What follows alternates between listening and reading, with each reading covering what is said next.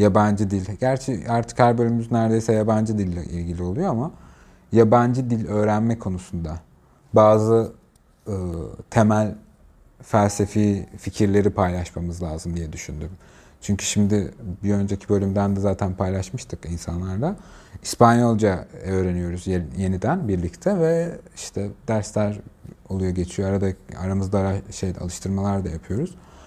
Ee, sen nasıl düşünüyorsun? Nasıl ilerlediğini düşünüyorsun ve nasıl İspanyolca konuşma, İspanyolcayı anlama konusunda nasıl görüyorsun? Bir ay olacak neredeyse. Evet bir ay olacak neredeyse. Çok bir ilerleyemedim ne yazık ki ama hmm. tamamen Halbuki 5 tane 4 tane tens öğrendi zaman Evet. Yani.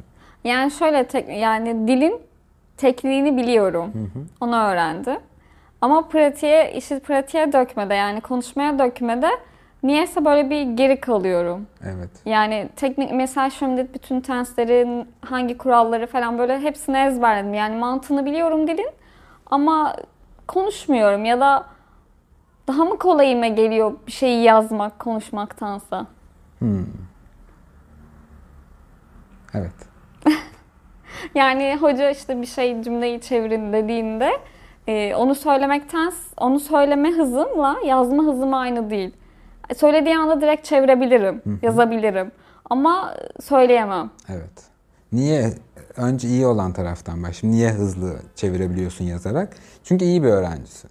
İyi bir öğrenci olduğun için e, anlatılanı anlayıp kullanabilecek kadar iyi yorumlama alışkanlığım var. Evet. Çünkü bunu okul evet, ilkokuldan evet. beri ders dinliyorsun, not alıyorsun ve evet, çalışıp evet, çok doğru, doğru. Okulda zaten konuşmaktan çok ya yazıyorsun evet. ya anlıyorsun. Zaten sınavlar yazılı hepsi. Evet evet doğru çok ee, doğru. Bu şekilde böyle bir öğrenme yöntemim var ve bunda çok pratiğin olduğu için bu konuda bir sorunun yok.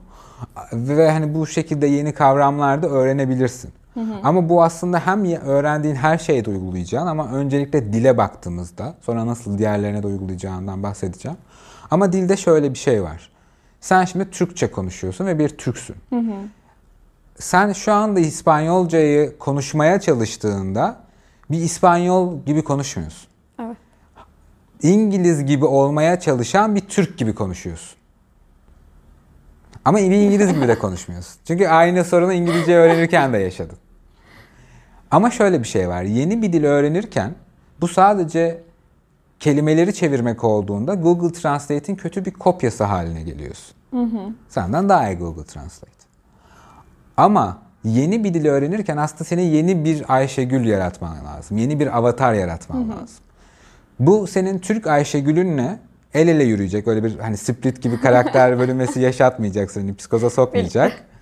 Ama birlikte yürüyecek bir İngiliz Ayşegül olması lazım. Çünkü dili sadece kelimelerin çevrimi olarak anlarsan süper vokabülün kelime haznen olsa bile dili konuşamazsın. Çünkü dil aslında başka bir düşünce yapısını da temsil ediyor. İngilizce bir İngiliz düşünce yapısını ya da işte popüler haliyle Amerikan düşünce yapısını sana aslında anlatıyor. Sen o dili konuşabilmen için o dilin düşünce yapısıyla aslında konuşuyor olman lazım. Ki kelimeleri motomot çevirmeye çalışma. Hı hı. O zaman senin başka bir düşünce yapısı daha ek. İşte o yüzden zaten bir dil bir insan, iki dil iki insan. O zaman oluyor zaten. Senin yepyeni bir perspektife daha sahip olman lazım. Bir Amerikan bakış açısına. Öbür türlü sadece işte Türkçe İngilizceye çevirmeye çalışırsın. Oralı zaten seni anlamaz. Ancak seni dili senin gibi öğrenmiş başka bir yabancı anlar. O da ama kendi diline çevireceği için onun yine aranızda gerçek bir iletişim olmaz. Evet kelimelerinizi anlarsınız birbirinizin. Basit konuşmalar yaparsın. Ne yaptın, nasılsın, bugün hava nasıl, üstündeki ne renk, yeşil mi falan. Öğrendiğin şeyler bunları öğrettikleri için ilk. Sanki bunlar en lazım şeylermiş gibi.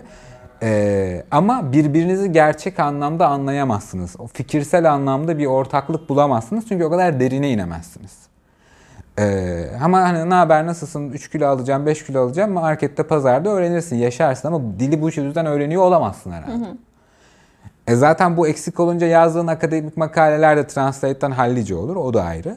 Ama dili böyle algıladığında bir şey açabilirsin. Şimdi senin İngiliz Ayşenur Ayşegül'ün oluşması için bir kere bir sürü şey ihtiyacı var. Bir, oranın kültürünü bilmen lazım. Hatta biraz tarihini bilmen lazım. Biraz linguistiğini bilmen lazım biraz geçmişten nereye geldi ve önemli karakterler işte bir Shakespeare gerçekten var mıydı ya da Shakespeare İngilizceye ne kattı? Bugün o neden yok? Gibi gibi gibi şeylerde modern İngilizce nerede? Amerika ile birleşmesinde ne oldu? Bunları öğrenerek işte Amerika'da nasıl İngilizce konuşuluyor? Her eyalette aynı mı? Aradaki lehçe farkları neden? Ve işte öbür tarafta e, Birleşik Krallık'ta İrlandalılar neden daha farklı gibi konuşuyor İskoçyalılar ne yapıyor falan gibi bunları anlarsan Böyle bayağı bir işte bir İngiliz'in temel öğreneceği her şeyi öğrenirsen kendi kültürüyle alakalı. Çok bunlar aşırı derine inmen de gerekmiyor. O senin zevkine bağlı. Ama temel bilgilerin olursa kafanda daha iyi bir İngiliz imajı olur. Hı hı. Ve sen artık o dile geçtiğinde artık başka bir, bir düşünce yapısıyla geçebildiğin için bu senin zihnine de vizyonuna da o zaman zaten etki eder. Yoksa yani işte Almanya'da e, doğmuş bir ikinci jenerasyon Almancı her zaman Almancayı çok iyi bilmesine rağmen bir Alman vizyonu edinemeyebiliyor. Çünkü Almancayı bir dil olarak öğrenmekle kalmış. Çünkü o kültürü o kadar eğer kapalı kapılar ardına kaldıysa hiç bağdaşamamış. Oranın yabancısı olmuş. Ama yine aynı jenerasyonda doğmuş ve atıyorum belki annesi Alman, babası Alman bir şekilde ve o kültürü de almış bir çocuk. Bu sefer işte Almanya'da da şu anda e, biliyorsun e, Covid falan işlerine de bakan aşı en başındakiler Türkler yani. Hem Alman vizyonu var, hem Türk vizyonu var, hem belki Amerikan vizyonu var. Öğrendiği bütün diller onlara farklı farklı vizyonlar kattığı için onlar artık standart bir Almanın da üzerindeler. Çünkü başka özellikleri de var.